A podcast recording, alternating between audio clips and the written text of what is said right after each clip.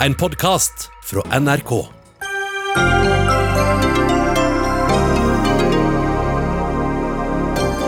Dramatisk situasjon i Venstre før valgkomiteen snart sier hvem de mener skal lede partiet videre. Flere partitopper ber åpent Trine Skei Grande trekke seg som partileder. Oslo MDG vil forby reklame for dieselbiler og sydenturer av klimahensyn. Bare symbolpolitikk, kritiserer Høyre. Tusenvis av flyktninger er låst mellom gresk og tyrkisk grensepoliti. Nå vil flere partier lage en flybro til Norge. Og noen kjører rundt med navnet på favorittlaget eller på kona, men samiske bokstaver er ikke tillatt på personlige bilskilt. Det hindrer samer i å uttrykke sin identitet, mener sametingspolitiker.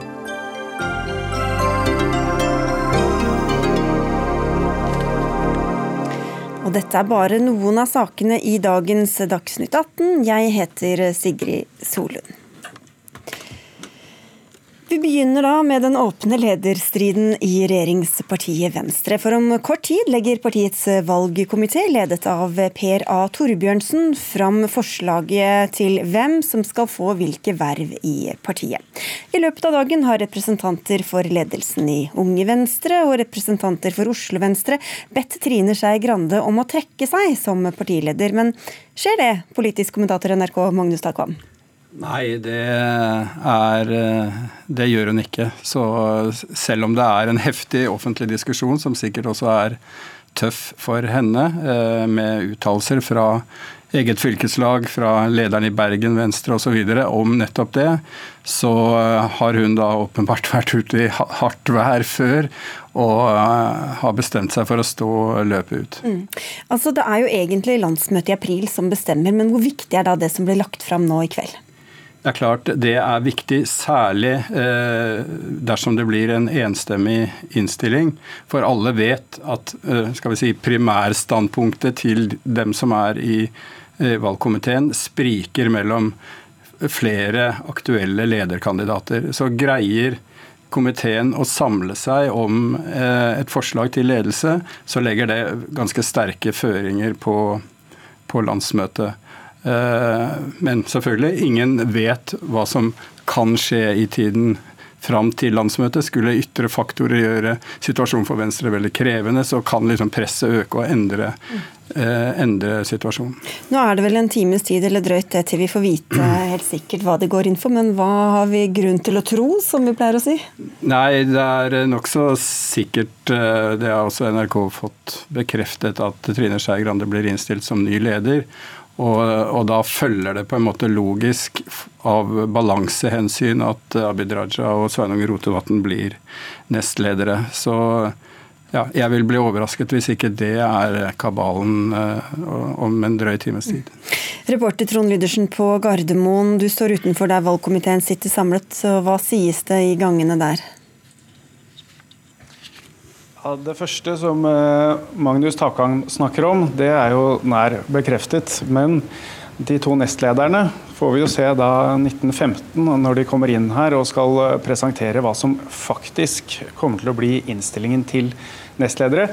Men det har ikke vært hvisket noe og tisket noe som jeg har fanget opp når det gjelder hvem som blir disse nestlederne. Mm. Det skulle jo egentlig bli klart i morgen, og så ble det framskyndet til i dag, og så ble det utsatt litt igjen. Vet du hvorfor eh, det både ble framskyndet og så utsatt? Altså det, det, har jo vært en veldig betent kabal som har skullet uh, blitt lagt her. Og det er jo ni personer som sitter i denne komiteen, så idet man har kommet med en avgjørelse, så har det vel blitt kan man si det hadde vært vanskelig å holde den igjen så den ikke hadde blitt kjent før man presenterer det. Så det er jo også et ønske om å komme ut med nyheten i mest mulig grad selv, selvfølgelig. Nå tyder jo på at eh, partilederen den har man jo allerede fått røyket ut. Men det er noe med å kanskje holde litt av regien selv da for partiet Venstre. Altså, Vi har jo selvfølgelig ringt og ringt for å få noen fra Venstre til å være med, men ingen har takket ja. Eh, dere har vel tatt noen telefoner i Bergens Tidende også, Jens Kiel, hvor du er politisk kommentator. Hvor åpent vil du si at eh, det er nå, hvordan dette kommer til å gå?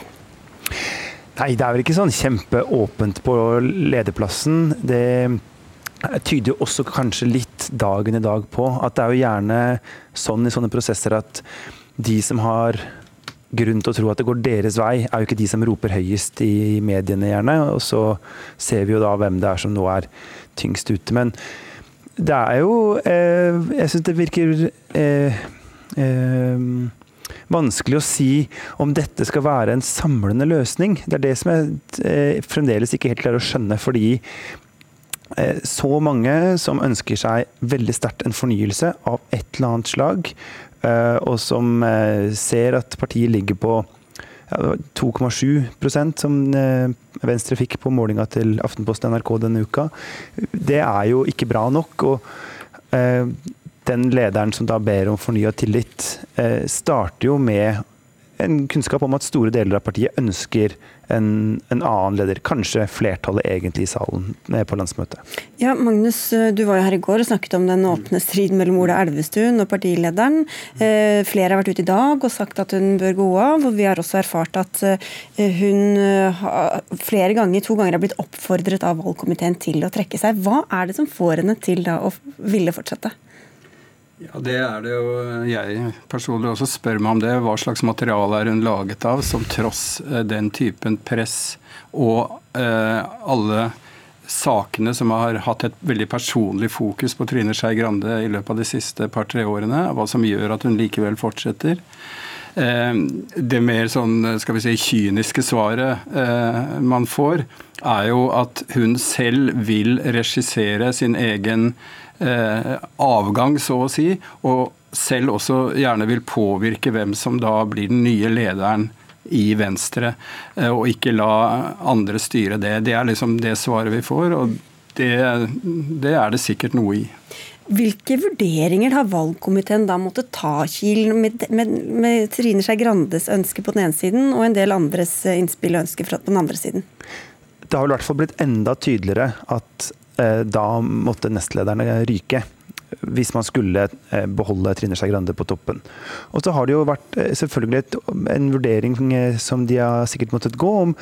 Har det vært sånn at en eller flere av de andre kandidatene har ønska å eh, stille opp mot Trine Skei Grande. Eh, fordi at eh, om det sitter folk der rundt det bordet som ønsker en annen kandidat, så er det jo likevel avhengig av at, den, at f.eks. Sveinung Rotevatn eller Abid Raja eller en annen faktisk ønsker å være den motkandidaten. Og det tror jeg at det også virker som om ingen har villet. da. Mm. Eh, og da står de jo på en måte igjen med bare Trine Skei Grande.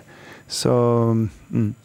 Nei, Jeg tror nok det er eh, altså, det, det er åpenbart et, var åpenbart et maktgrep, det som skjedde da Frp gikk ut av regjering og kortene ble delt ut på nytt og Venstres lag ble komponert på den måten vi nå kjenner det, med å ta de som etter alt å dømme blir nestledere da inn i regjering. Eh, det f.eks. Ola Elvestuen reagerte sånn på, bortsett fra at han selvfølgelig ikke likte at han ble sparka ut, er jo at han mente det var en slags forskuttering av valgkomiteens arbeid de facto. Eh, og det er det sikkert eh, mange som mener, men det er klart at det er også en leders privilegium å gjøre den typen vanskelige eh, beslutninger. Men hvem har da, eh, etter også at Elvestuen har gått imot Trine Skei Grande, Jens Kiel, hvem er støttespillerne til Trine Skei Grande nå? Du kan se på det sånn at der kanskje Trine Skei Grande ikke står eh, veldig sterkt som, eh, som, en partileder i det norske folk. Hun var nylig en måling som viste at hun var den minst populære, hva man enn skal legge det, av partilederne.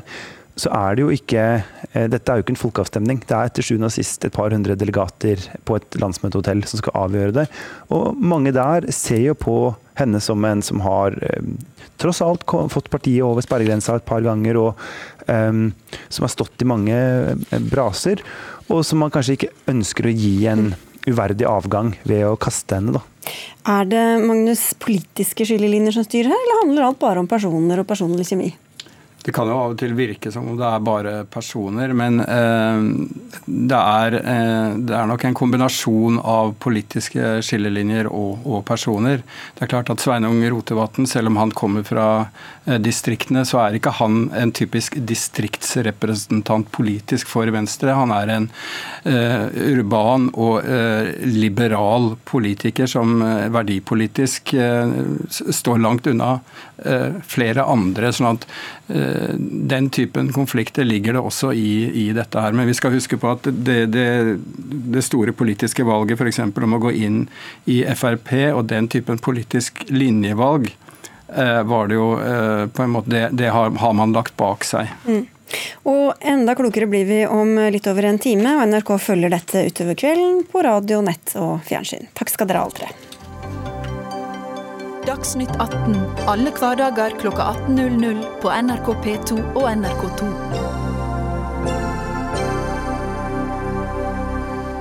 De var mange, nå er det to igjen i toppsjiktet. Én etter én har trukket seg i kampen om å bli Demokratenes presidentkandidat, og i ettermiddag kom turen til nyheten om at Elizabeth Warren også sier at hun vil gi seg.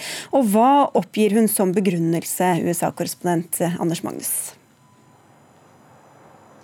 Hun eh, har ikke gitt noen begrunnelse i den talen hun holdt til medarbeiderne sine. Der eh, brukte hun all tiden til å skryte av eh, både medarbeiderne og kampanjen og alt de tross alt har oppnådd.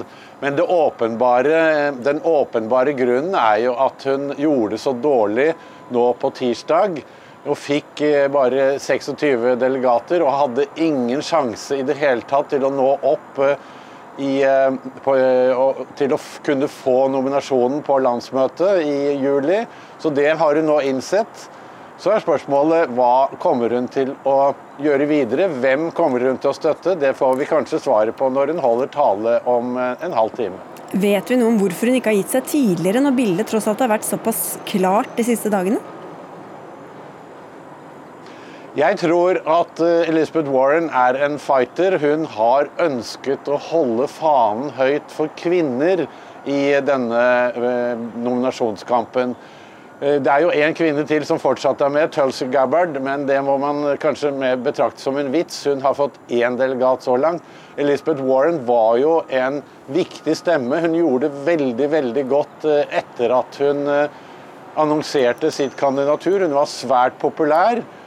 Eh, og hun ønsket nok også å vise at kvinner kan stå dette løpet så lenge som mulig. At hun derfor eh, ønsket å fortsette helt til eh, supertirsdag, som vi jo kaller tirsdagen som var nå. Men Hvorfor falt da denne populariteten hennes såpass drastisk som den gjorde?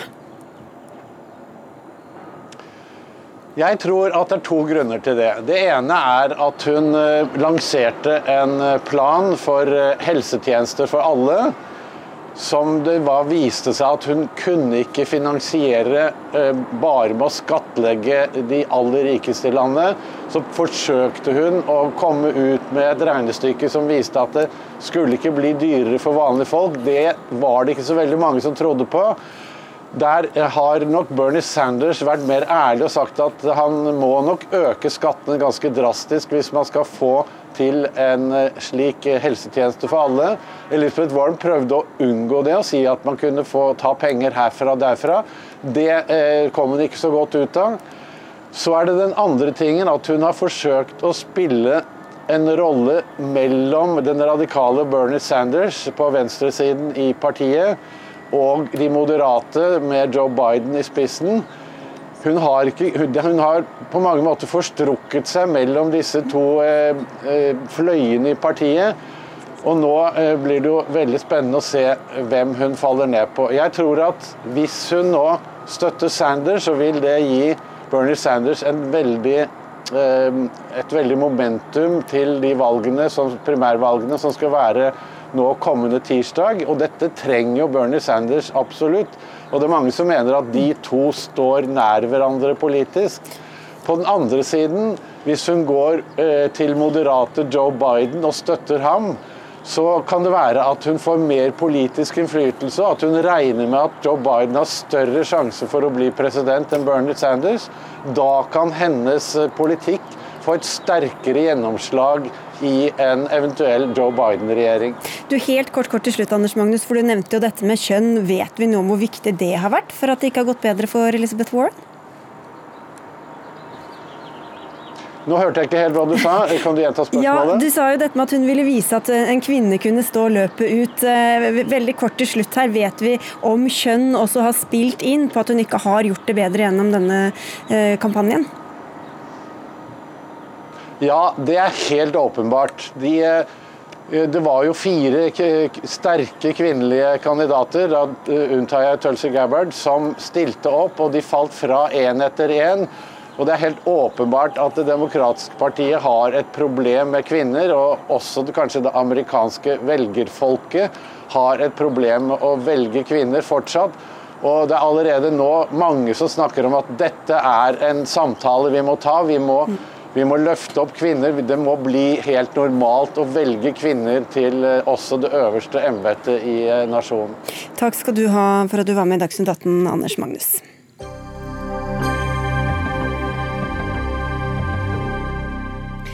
Det er ikke lov eh, å reklamere for alkohol eller tobakk i Norge, ei heller er det tillatt med reklame rettet mot barn. Nå vil Miljøpartiet De Grønne i Oslo gå et skritt lenger og forby all reklame for forurensning for fossil energi, fossile reiser, flyreiser og cruise, skriver Dagsavisen. Og dette skjedde på årsmøtet for eh, et par dager siden, hvor du ble valgt til ny leder av eh, lokallaget i Oslo, Sigrid Heiberg. Men hva vil dere oppnå med et sånt forbud?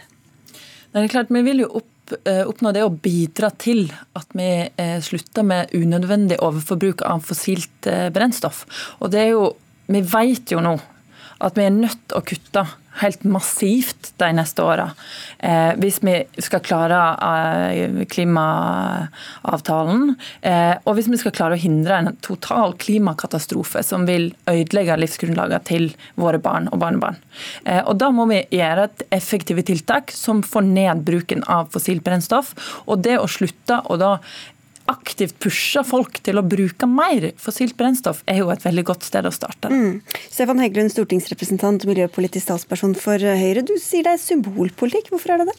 Det er symbolpolitikk. Vi er for politikk som får utslippene ned. Eh, det gjør ikke dette. Dette får ikke utslippene ned med en uh, tøddel. Hvordan vet du det? Eh, men som i, i, sin moralisme så gjør det det vanskeligere å få folk med på klimapolitikk som vi faktisk trenger å gjennomføre, og som faktisk virker. Og Det er jo litt dumt, fordi nå skal eh, Stortinget etter hvert forhandle en eh, systematisk klimapolitikk for alle sektorer i Norge, om hvordan Norge skal nå klimamålene for 2030, der vi altså skal redusere utslippene med 50-55% Da må vi ha folk med oss. Da mm. trenger vi ikke moralistiske forslag som det her, som ikke bidrar til å få utslippene ned. Ja, for, for, å følge opp det, altså, hvor, Hvordan vet du at det ikke vil kutte utslipp hvis det faktisk fører til at folk tar litt færre cruiseturer og litt færre flyreiser, og kjøper litt færre fossile biler? Det er flere grunner til det. For det første så er norsk reiselivsnæring en bærekraftig næring som er opptatt av å få ned utslippene sine. Og det er ikke sånn at reiselivsnæringen i Norge ligger på toppen av utslipp, men det er en næring som er opptatt av å få ned de utslippene de har. 77% av all flytrafikk som er tilknyttet norsk reiseliv, er en del av EUs kvotesystem. Det bidrar altså ikke til at utslippene går opp. Tvert imot så går utslippene fra kvotesystemet ned. Så er vi også for at man skal kunne ha flere alternativer reise. Det er jo derfor vi har investert 88% mer i jernbane enn det man gjorde i 2013. Det er grunnen til at vi også ser resultatene av det, med 100 millioner flere kollektivreiser enn det man hadde da vi tok over i 2013. Ja, men Er det sånn at du ikke tror at reklamen får folk til å kjøpe mer? Altså, reklam, man reklamerer jo for et produkt av en ja, grunn. så da vil det jo bli færre som kjøper fossilbiler da, f.eks. Da vil jo utslippene gå ned. Så er jeg opptatt av å bruke positive insentiver der. Vi okay, men bare svar på det. Jeg tror du at dette, for Du kaller det symbolpolitikk, samtidig så advarer du mot det. Men mm. tror du at det kan føre til lavere utslipp? Nå har vi forklart at uh, luftfarten er en del av kvotesystemet, ja, okay, så der går ikke utslippene ned. Så mener jeg at vi i samarbeid med næringen skal få utslippene ned. Ja, men Svar på bare dette enkle spørsmålet. Jo, jeg tror svarer, jeg tror svarer at, på spørsmålet. Nei, det gjør ikke det. Jo. Tror du at færre vil kjøpe fossile biler dersom man slutter å reklamere for det? Nei, egentlig gjør jeg ikke det. Eh, og grunnen til det, det er fordi at vi kan godt implementere et reklameforbud i Norge for det. Jeg vil være mot det, men la oss si at man fikk gjennomslag for det, og så gjør man det.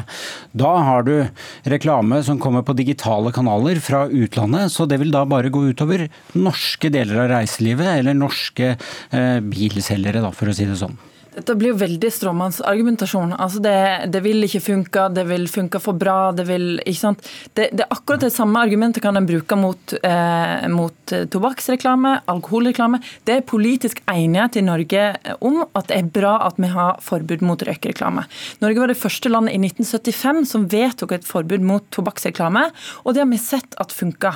Og det er enkel logikk, det, det er ikke så komplisert dette her. Det er klart det funker å slutte å pushe på folk produkt men, men det, er, det er ganske lett å se hva som er alkohol og hva som er tobakk. Men hvordan skal du differensiere mellom eh, en kjempemoderne dieselbil som slipper ut lite, eh, en, gammel, eh, en elbil, en hybridbil? Hvor, hvor, skal du sette grensene for hva det skal være lov å reklamere for og ikke? Ja, Det er et godt spørsmål. Og Vi har sagt veldig tydelig at dette skal være fossile produkt og fossilt brennstoff. Så det vil ikke være da lov, og vi mener at det ikke bør være lov å reklamere for en flyreise med fossilt eh, brennstoff, som, eller en fossil bil. Eller alle flyreiser, da, egentlig. Ja, Per nå er det det, det jo, og dette vil jo være en kjempegulrot for de delene av næringslivet som klarer å omstille seg raskt. Som tilbyr biler med nullutslipp, som tilbyr båter med nullutslipp, som tilbyr eh, flyreiser som veldig snart eh, Der Norge òg kan være et foregangsland på å få til eh, elfly, f.eks.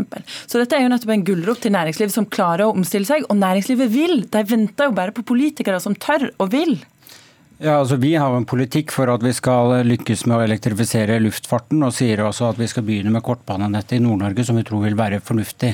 Eh, og Så er det spennende å se hvor fort teknologiutviklingen går, men vårt mål er jo at vi skal ha elektriske fly i norsk luftfart i 2025. Men jeg må jo si at jeg reagerer eh, på at man sammenligner norsk reiseliv med tobakksbransjen, en eh, bransje mange opplever som kynisk.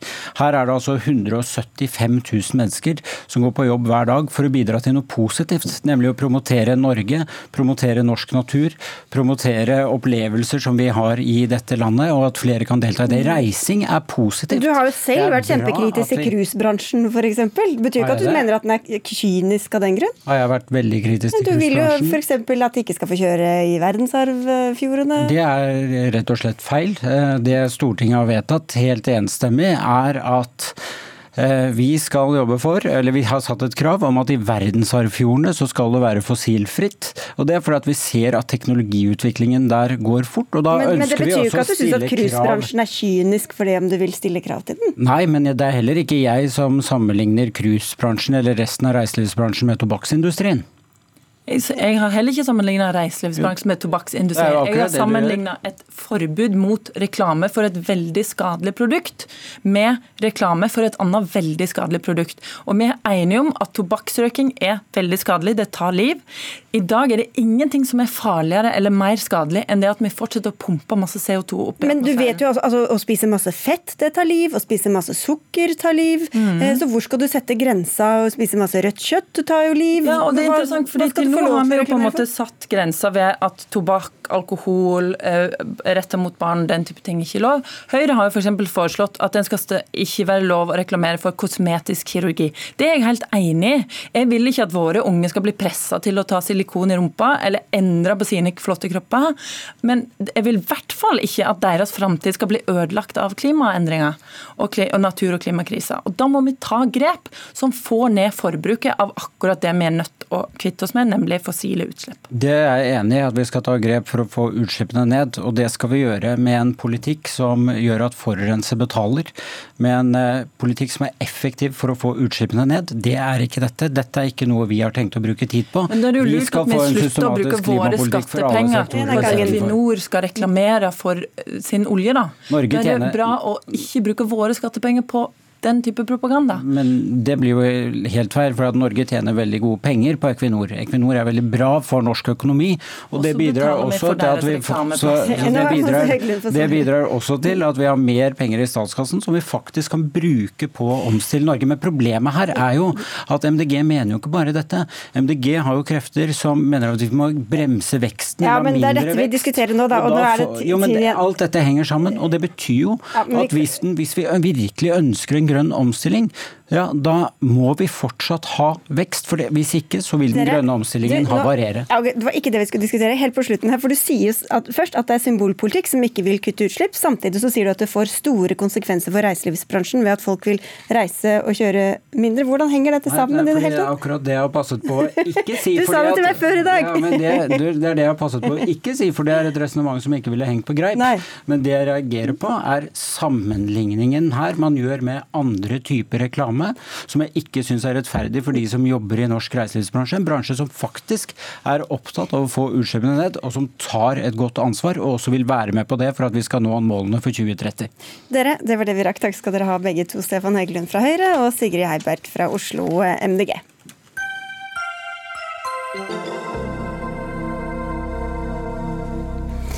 Om litt her i Dagsnytt 18 skal vi diskutere om CV-er fungerer etter hensikten ved ansettelser, eller om de kan forpurre hele prosessen. Men før det.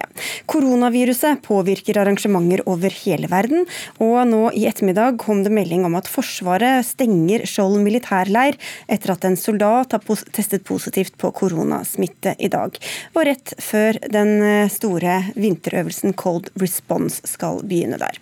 På Stortinget i dag ble det innført et midlertidig forbud mot komitéreiser pga. utbruddet av korona. Altså alle reisene de ulike komiteene på Stortinget skulle ha i mars og april, de er avlyst. Og det rammer bl.a. kommunalkomiteen, som skulle til Hellas for å observere flyktningkrisen der. Marianne Andreassen, eh, du er direktør på Stortinget, og stortingspresidenten Tone Trøen, som har stått i spissen for dette tiltaket, hadde ikke anledning til å komme. Du stepper inn for henne. Men hva er begrunnelsen til at Stortinget avlyser akkurat disse komitéreisene? Eh, Denne beslutningen må jo ses i sammenheng med at Stortinget er en samfunnskritisk institusjon. Eh, Og vi må nå også ta forhåndsregler, eh, forhåndsregler basert på helsemyndighetens råd. Men vi legger også nå til grunn et føre-var-prinsipp. Og det er jo liksom et veldig viktig mål for Stortinget, er jo da for det første å ikke unødig bidra til å sette liv og helse i fare. Og så må vi sikre at Stortingets arbeid gå som normalt. Men du gjør jo ikke det for eh, kommunalkomiteen, da f.eks. Lederen der, SVs Karin Andersen, sier til Dagbladet i dag at dette er en overdrevet reaksjon. Hvor sikker føler du deg på at dette står i stil med, hva, altså med den faktiske faren her? Eh, Som sagt så eh, tar vi nå eh, og gjør en del tiltak knytta til Stortinget som en samfunnskritisk institusjon. Og Når det gjelder dette med komitéreiser, så vurderes det jo ikke da å være like viktig med de komitéreisene som det som går på det øvrige parlamentariske arbeidet på Stortinget. Og har også lyst til å si at Når det gjelder dette med komitéreiser, så er det, jo, det er jo vi selv som tar initiativ til eh, de eh, reisene. Eh, og Sånn sett så er det jo det å gjøre noen tiltak nå som vi kan beslutte i forhold til å være føre var, med utgangspunkt i de samfunnskritiske funksjonene som vi er nødt til å holde eh, oppmerksomhet på. For det skal fortsatt være mulig å komme på besøk til Stortinget, eller at enkeltrepresentanter kan reise til eh, andre land. Hvorfor er det greit? Hvorfor er det annerledes enn disse komitéreisene? Eh, Nå er det jo da komitéreiser utenlands og studiebesøk eh, utenlands. Og så har vi jo en fortløpende vurdering av andre typer reiser.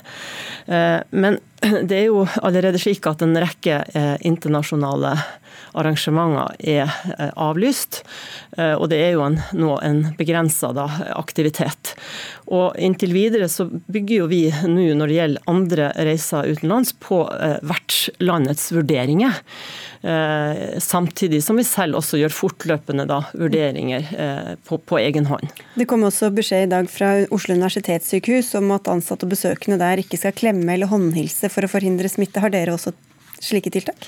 Nei, slike tiltak er ikke innført. Men jeg kan også nevne et annet tiltak som også da er gjennomført. Det er jo da at eh, det vi har hatt som sånne åpne lørdagsomvisninger på Stortinget, hvor det er veldig mange turister, også de avlyses inntil videre. Men skoleklasser er fortsatt hjertelig velkommen til oss. Takk skal du ha, Marianne Andreassen. Det kom også nå beskjed under sending om at Oslo kommune velger å avlyse Holmenkollen skifestival for publikum. Det skal vi komme tilbake til om litt.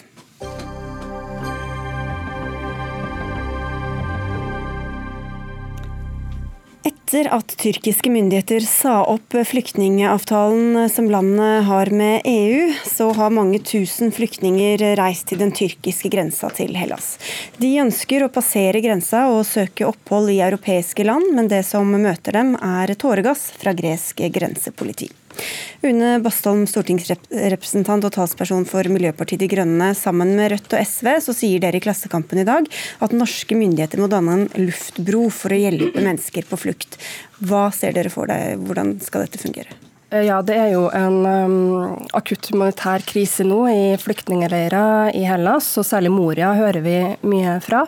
Um, hvor barn får barndommen sin ødelagt, og så har måttet vente der allerede i fire år, da, fordi Europa har svikta i å lage en avtale om fordeling av ansvar for de migrantene og flyktningene som kom inn til Hellas. Mange av dem kom jo i forkant av 2016, når den avtalen her med Tyrkia trådte i kraft.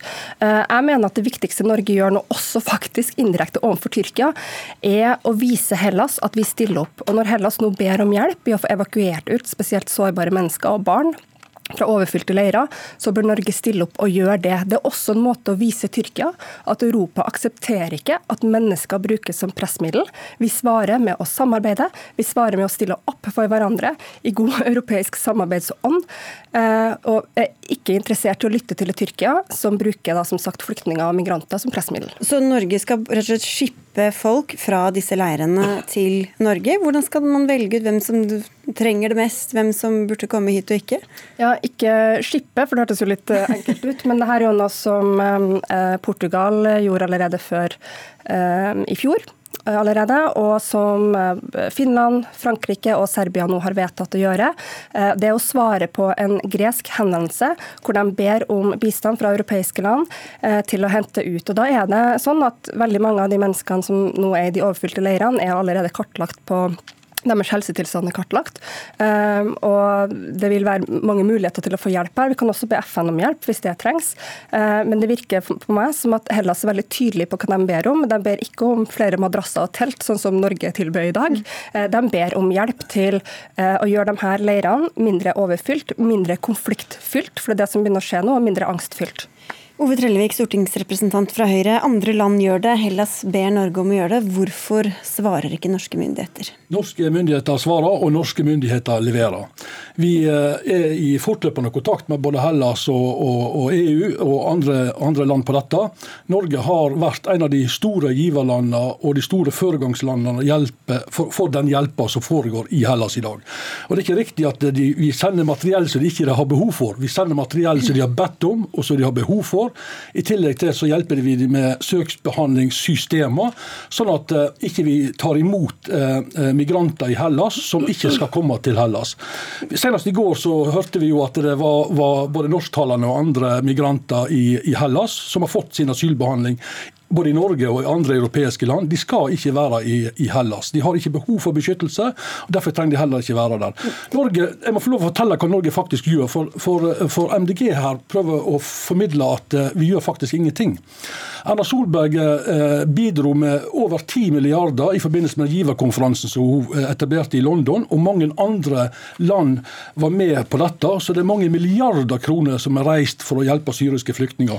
Sånn at vi driver både skoler, helse helseinstitusjoner eller helsehjelp og en rekke andre tiltak for å få dette til. I tillegg, i tillegg, i tillegg så har vi stilt krav til EU at. EØS-midlene våre blir brukt der nede. Ja, det har vi også snakket Men bare for å ta det her. altså Det er jo, eh, det hørtes ut som Erna Solberg hadde gitt et fra egen lommebok. Det er vel eh, fra den norske stats... 10 milliarder norske, ja. norske myndigheter stilt okay, opp med. Men, men Bastholm, det er jo altså enorme mengder med mennesker. Dere vil ta inn noen hundre. Hva hjelper det å liksom plukke ut noen hundre mennesker når situasjonen er så prekær og må løses på en helt annen måte?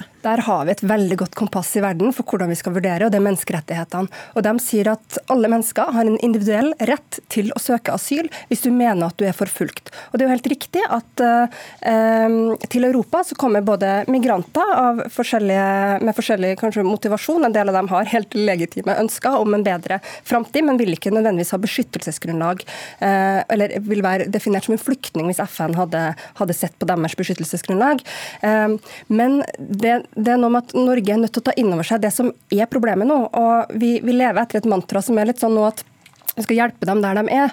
Men vel, hva hvis de ikke kan få hjelp der de er? ikke sant? Her er det snakk om greske leirer som er overfylt, hvor saksbehandlinga tar en evighet. Eh, det er snakk om at humanitære, frivillige hjelpepersonell eh, må begynne å, å trekke inn årene igjen og reise hjem fordi at de blir utsatt for angrep eh, og trusler. Og det er snakk om barn som får barndommen sin ødelagt, og som ikke kan få behandla traumene sine eller overkomme traumene de har gjenopplevd i en overfylt leir som er full av angst, og hvor det, opp, hvor det oppgis. Vi har helsepersonell der som også er norsk, og er tydelig på at her eh, begynner desperasjonen, altså depresjonen, blant de voksne som er rundt de her barna, eh, å bli såpass alvorlig. Det er helt klart en fortvila situasjon. Norge tar imot 3000 kvoteflyktninger. Ja, Bare denne uka her tar vi imot 200 syriske flyktninger. Det er ikke blant denne gruppa. 200 syriske flyktninger denne uka her.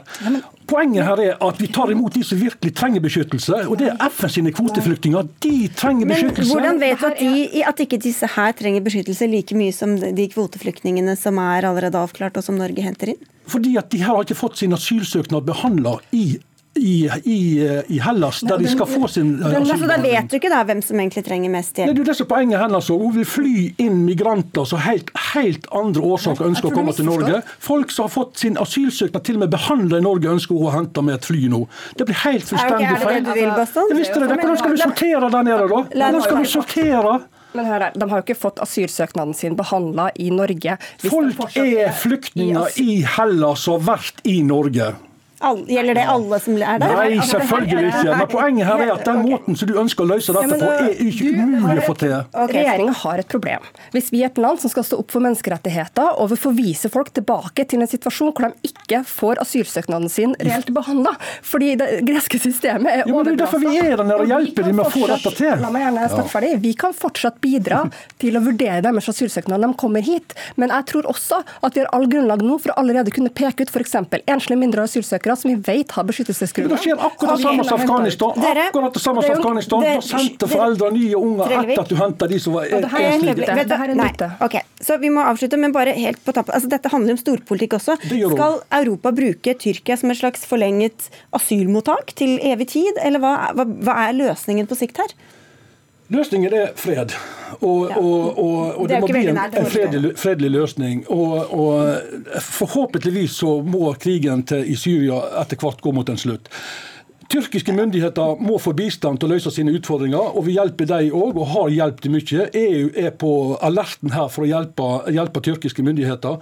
Og det er derfor De menneskene som er på flukt nå, har jo vært i Tyrkia i mange år. Så det er ikke sånn at de kommer fra de bombeherja syriske områdene som blir bomba de siste dagene. Det er de ikke. De kommer fra leirer i mm. Tyrkia som har fått god hjelp i lang, lang tid. Det er klar over. Og de Norge skal hjelpe nå, det er dem som, mange av dem har sittet i fire år allerede i et Europa som har svikta dem. Når man lager laga avtalen med Tyrkia, så sa Europa at ja, og vi skal følge opp den avtalen med Tyrkia ved å relokalisere de flyktningene og de migrantene som nå er i Hellas. Det har vi ikke gjort, og Norge bør nå gjøre to ting. Vi bør jobbe for en mer langsiktig avtale mellom de landene som faktisk er villige til å stille opp. Om ikke det er hele EU, så bør vi eh, slutte oss til dem som er villige. Og vi bør akutt hente ut noen, og vi sier minst 750 da, og eh, av de som sitter nå i Moria-leiren. På dette punktet er dere helt uenige, og det rekker ikke å bli mer enn hele. Takk skal dere ha, begge to. Ove Trellevik fra Høyre og Une Bastholm fra MDG. Takk skal dere ha. Hør Dagsnytt 18 når du vil. Radio NRK Radio.nrk.no.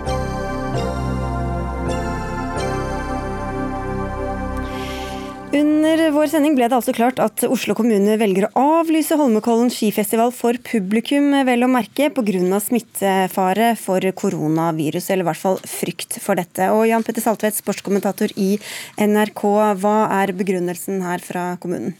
Det er jo en føre-var-beslutning. Kanskje litt overraskende. Det gikk sprint i Konnerud utenfor Drammen i går.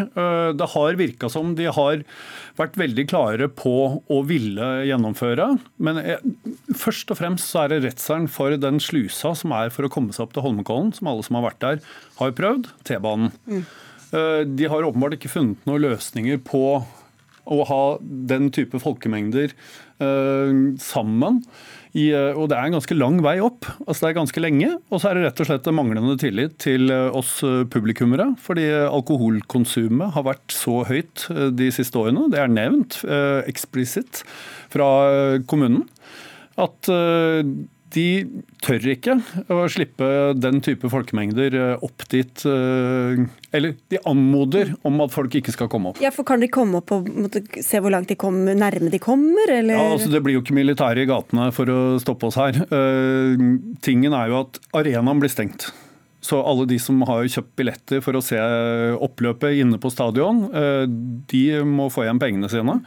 Eh, og så oppfordrer de, eh, anmoder, om at publikum ikke skal komme opp og eh, bevege seg rundt i løypa. Men En ting er jo de som vil dra dit sjøl, men hva med alle som vil se på det på TV? Skal ting gå som normalt ellers, eller hva?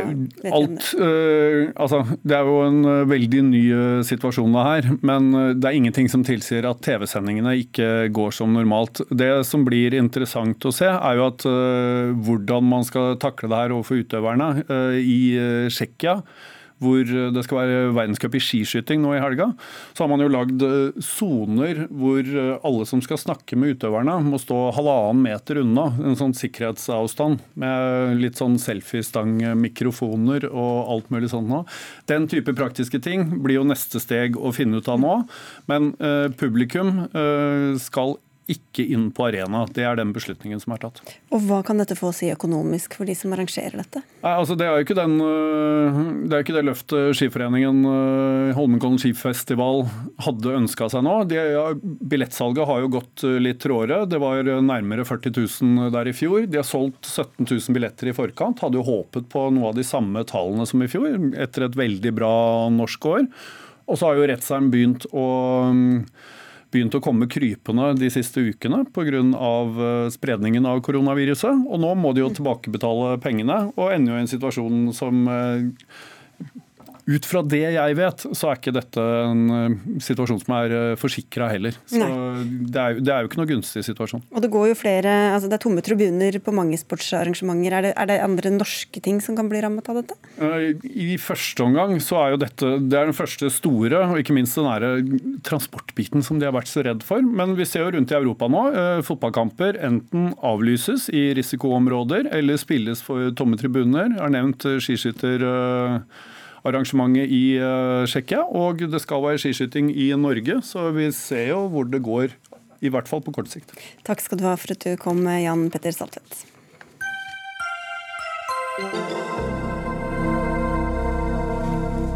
Gjennom mange år har vi lært hvor viktig CV-en er når vi skal søke jobb. Det finnes egne kurs og oppskrifter for å snekre best mulig CV, og profesjonell hjelp man kan betale for å få det til. Men CV-en er skadelig både for jobbsøkere, bedrifter og for hele samfunnet, faktisk, skriver du i Aftenposten i dag, gründer Nikolai Kirking Vennerød. Dette er ikke helt intuitivt. Hva er det som er så skadelig med en CV? Det er akkurat det du sier, da, at vi alltid har lært at CV er liksom det essensielle når, når, du er jobbsøker, eller nesten som definerer deg som jobbsøker. Uh, og Det er det jeg mener er skadelig. Det er blitt et sånt midtpunkt i all jobbsøking, uavhengig av hva slags stilling det er snakk om. Uh, og Problemet der er jo at selv om det finnes interessant informasjon i en CV, så finnes det også utrolig mye irrelevant og uinteressant informasjon i forhold til jobben som skal gjøres etterpå. Eh, og Det er lett å henge seg opp i for en rekrutterer. og Dermed så screener man ut kandidater som burde gått videre.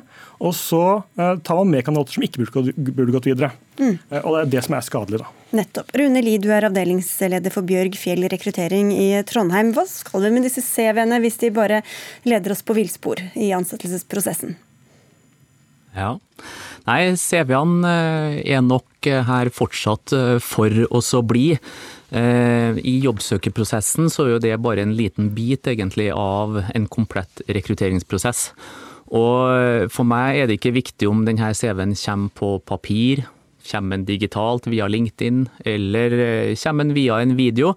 Så, så er vi veldig opptatt av at i enhver prosess så vil f.eks. utdanning være viktig. Eh, har man et kurs innenfor salg og service, har man en bachelor, en master, Eh, så vi vet jo akkurat hva vi skal plukke ut eh, i forhold til en CV, og bruke det videre. Men, ja, men venner, Det er jo mange yrker som krever en bestemt type utdannelse eller en bestemt type arbeidserfaring. Hvordan skal man få vite det veldig enkelt dersom man ikke har en CV? Ja, sånn som Vi har gjort det da, er jo at vi har prøvd å emulere den effekten man får av å ha et dybdeintervju. Emulere effekten. Altså, man, man, møter ikke faktisk personen i virkeligheten, man møter dem på en måte over nett. Uh, enten via video, som ble nevnt, eller via at vi har et dynamisk uh, spørreskjema som blir på en måte en skriftlig dialog, som kan leses som en transkripsjon av et intervju, nesten. Og Da kan man stille akkurat de spørsmålene man lurer på. Uh, F.eks. hvis man har harde krav til for formell utdanning innenfor forskjellige områder, eller sertifisering eller førerkort eller den type ting, eh, så kan man stille de spørsmålene opp eh, i det skjemaet. Og Det tror vi er mye mer effektivt og mye mer treffsikkert enn å bruke CV. fordi eh, med CV så må på sett og vis kandidaten gjette hva arbeidsgiver er på jakt etter, og huske å få det med. Jeg har jo aldri tatt med at jeg har førerkort i CV-en min noen gang. Men kanskje det er viktig for én arbeidsgiver, ikke sant? uten at jeg vet det. Mm. Så jeg må liksom gjette. Eh, og Det tenker vi er et litt usunt forhold. Eh, fordi Da kan du både gjøre feil hos søkeren, som må huske å få med alt mulig, og så er det den som skal rekruttere, som kanskje ikke er så god til å lese eh, CV som Li. da. Ja, ikke sant? Du er profesjonell, Li, men hva med alle halvamatører der ute som skal ansette noen? Hvor treffsikkert er det da, disse CV-ene? Det er jo en av utfordringene i forhold til å være halvamatør. Og det halvamatørene gjør, er jo veldig ofte å ansette på magefølelsen. Det vil jo enten det er via en video, intervju via en video, så ser vi det at det å ansette på magefølelsen, så, så kan man fort oppnå en bom i den ansettelsen. Og det er jo ikke bare det å få om bord en person eh, fra dag én, men det er det å kvalitetssikre da, at eh, den personen også blir der i fire, fem, seks år videre. Og det som vi er veldig opptatt av, er det å få den kvaliteten i alle ledd. Mm. Og da ser vi det at de ja, personlighetskartleggingene, evnetestene som benyttes, så er jo også fagspesialister innenfor psykometri har jo også endra seg i forhold til de siste årene. At det er jo veldig mange av de testene som brukes per dags dato, som faktisk ikke de godkjenner per dags dato. Men det var vel ikke akkurat noe forsvar for CV-en som sådan, det du ga nå?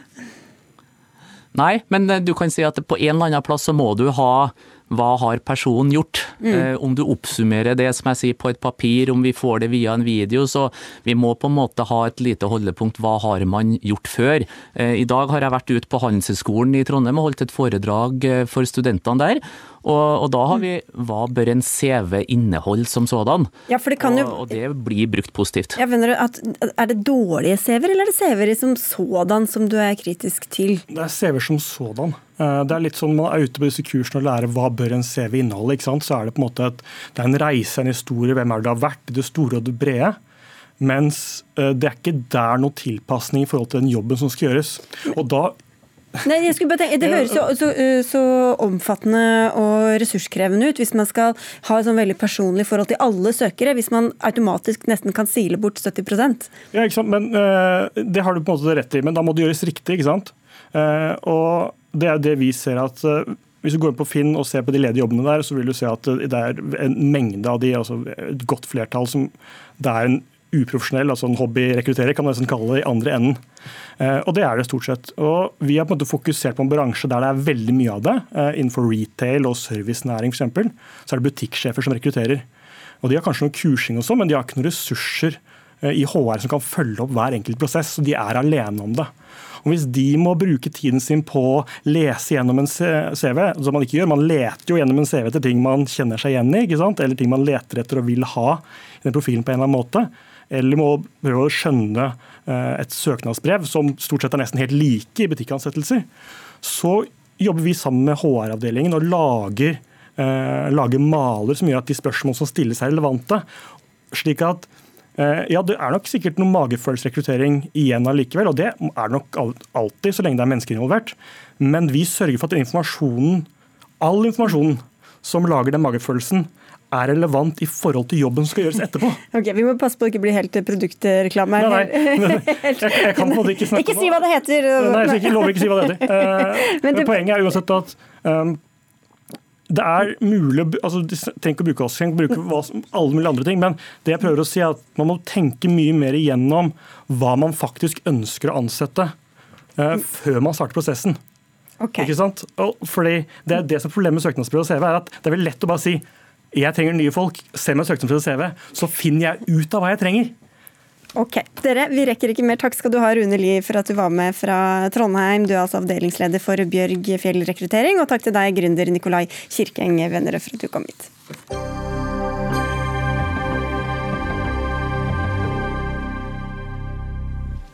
Melodimormor, innavl og Dumbo det er bare noen av mange tusen skilt på person, eller ord på personlige bilskilt som nordmenn kjører rundt med etter at det ble åpnet for dette for tre år siden. Men da det ble søkt nylig om å få lage et skilt på samisk, ble det nei fra Statens vegvesen. De godkjenner nemlig ikke samiske bokstaver i personlige bilskilt. Det var du som søkte om dette, Ole Mikael Sara. Hva var det du ville skulle stå på bilskiltet ditt egentlig? Jeg vil jo selvfølgelig at det skal stå Mazelosh, som sier at jeg er en person fra Masi. Nettopp. Og hvorfor var det viktig for deg å ha et samisk bilskilt, da? Nei, det er jo viktig å fortelle det norske folk at samer faktisk finnes. Og, og det er en, faktisk en, en, rettighet jeg har på, på de samiske, er likestilt med det norske språk. Vi skal høre fra Vegvesenet snart, for du reagerte også på svaret de kom med. Hva var det du hang deg opp i der? Nei, ja, jeg sier, de sa til Når de sammenligner det samiske språk, samiske skriftspråk med emojis og andre ting, så syns jeg det faktisk er litt sårende. Mm. Du, Vi skal til en til som uh, ivrer for dette. Elisabeth Erke, du er sametingsrepresentant for Senterpartiet og har også engasjert deg i denne saken. Men hvorfor er det viktig at staten legger til rette for at det bør kunne stå samiske bokstaver på et bilskilt? Ja, nå er jo eh, samiske og norske befolkninger likestilt også språklig sett, og da er det veldig viktig at man hele tida legger til rette for utvikling for at eh, det samiske er synlig også i forhold til språk. Og jeg tenker at det med personlige bilskilt er et høyt aktuelt tema som også bør ta inn over seg at den samiske befolkninga har behov for å vise hvem vi er, og det bør legges til rette for det.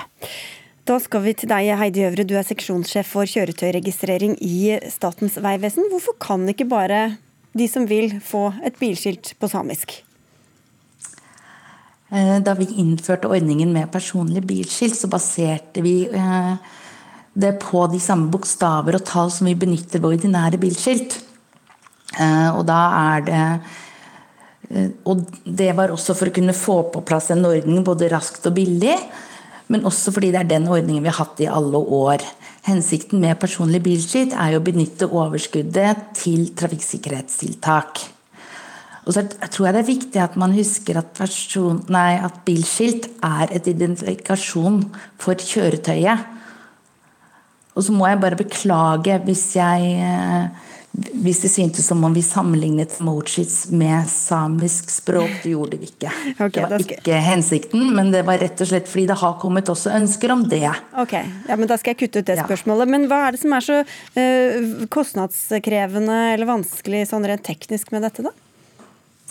Nei, altså Vi legger jo inn bokstaver og tall i systemene våre. Og det er det samme som man da benytter når man setter sammen det personlige bilskiltet. Og de, dette sendes jo da ut til alle aktører som trenger det.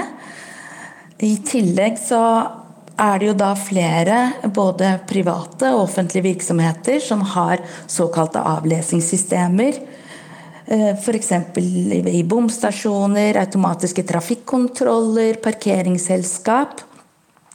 Som også da vil kunne måtte utføre utvikling og, på, og få påførte kostnader. Ja, Erke, altså du hører det er ganske mange praktiske problemer her. Er det så farlig? Ja, altså Det som eh, nå trekkes frem som argumenter, det er jo argumenter vi er vant til å høre og har hørt i, i si, mange, mange, år.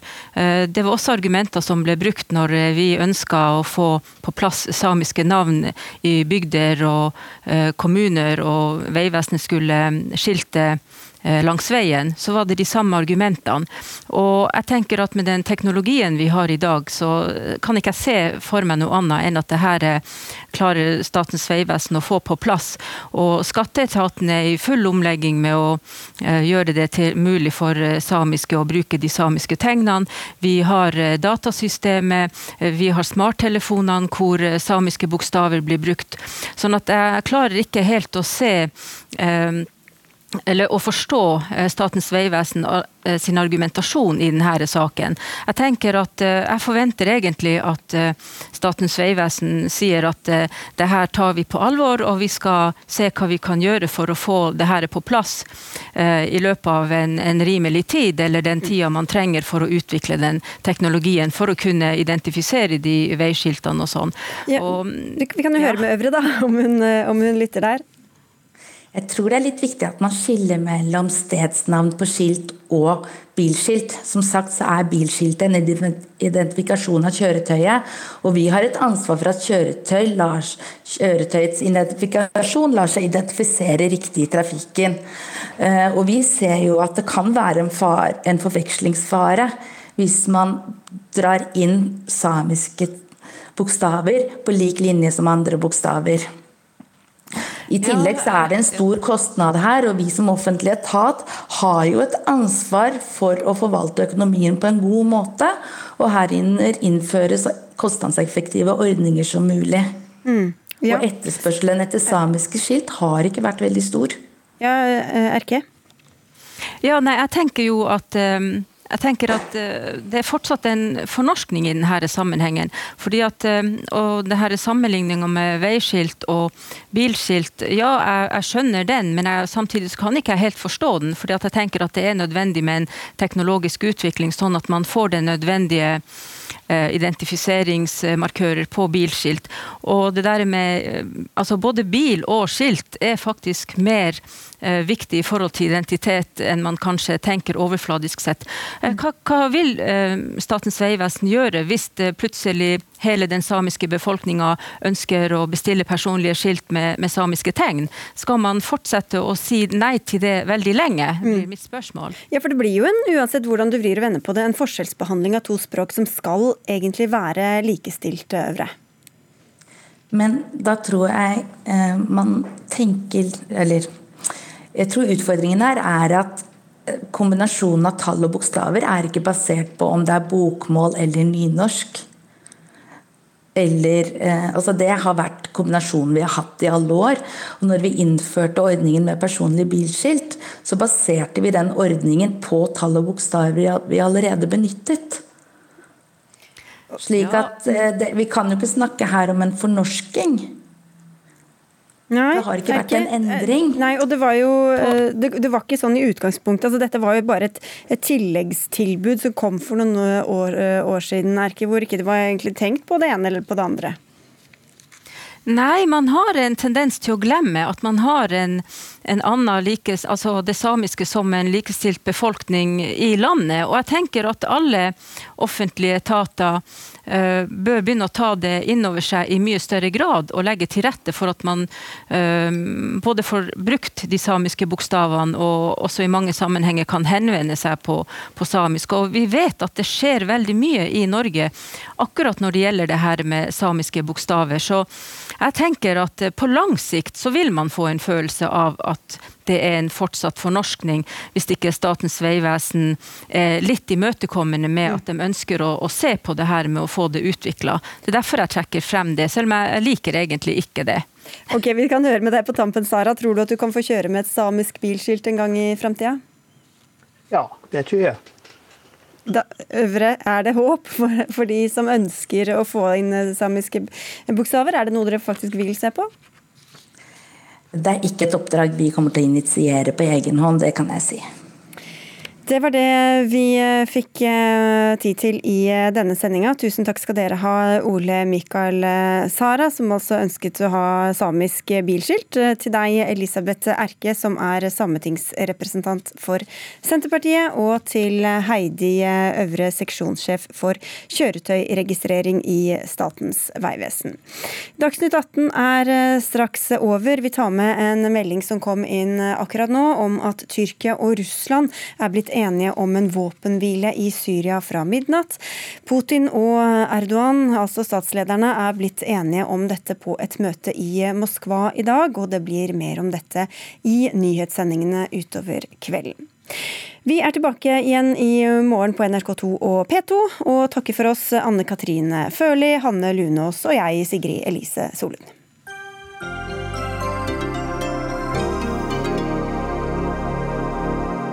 Du har hørt en podkast fra NRK. Hør flere podkaster og din favorittkanal i appen NRK Radio.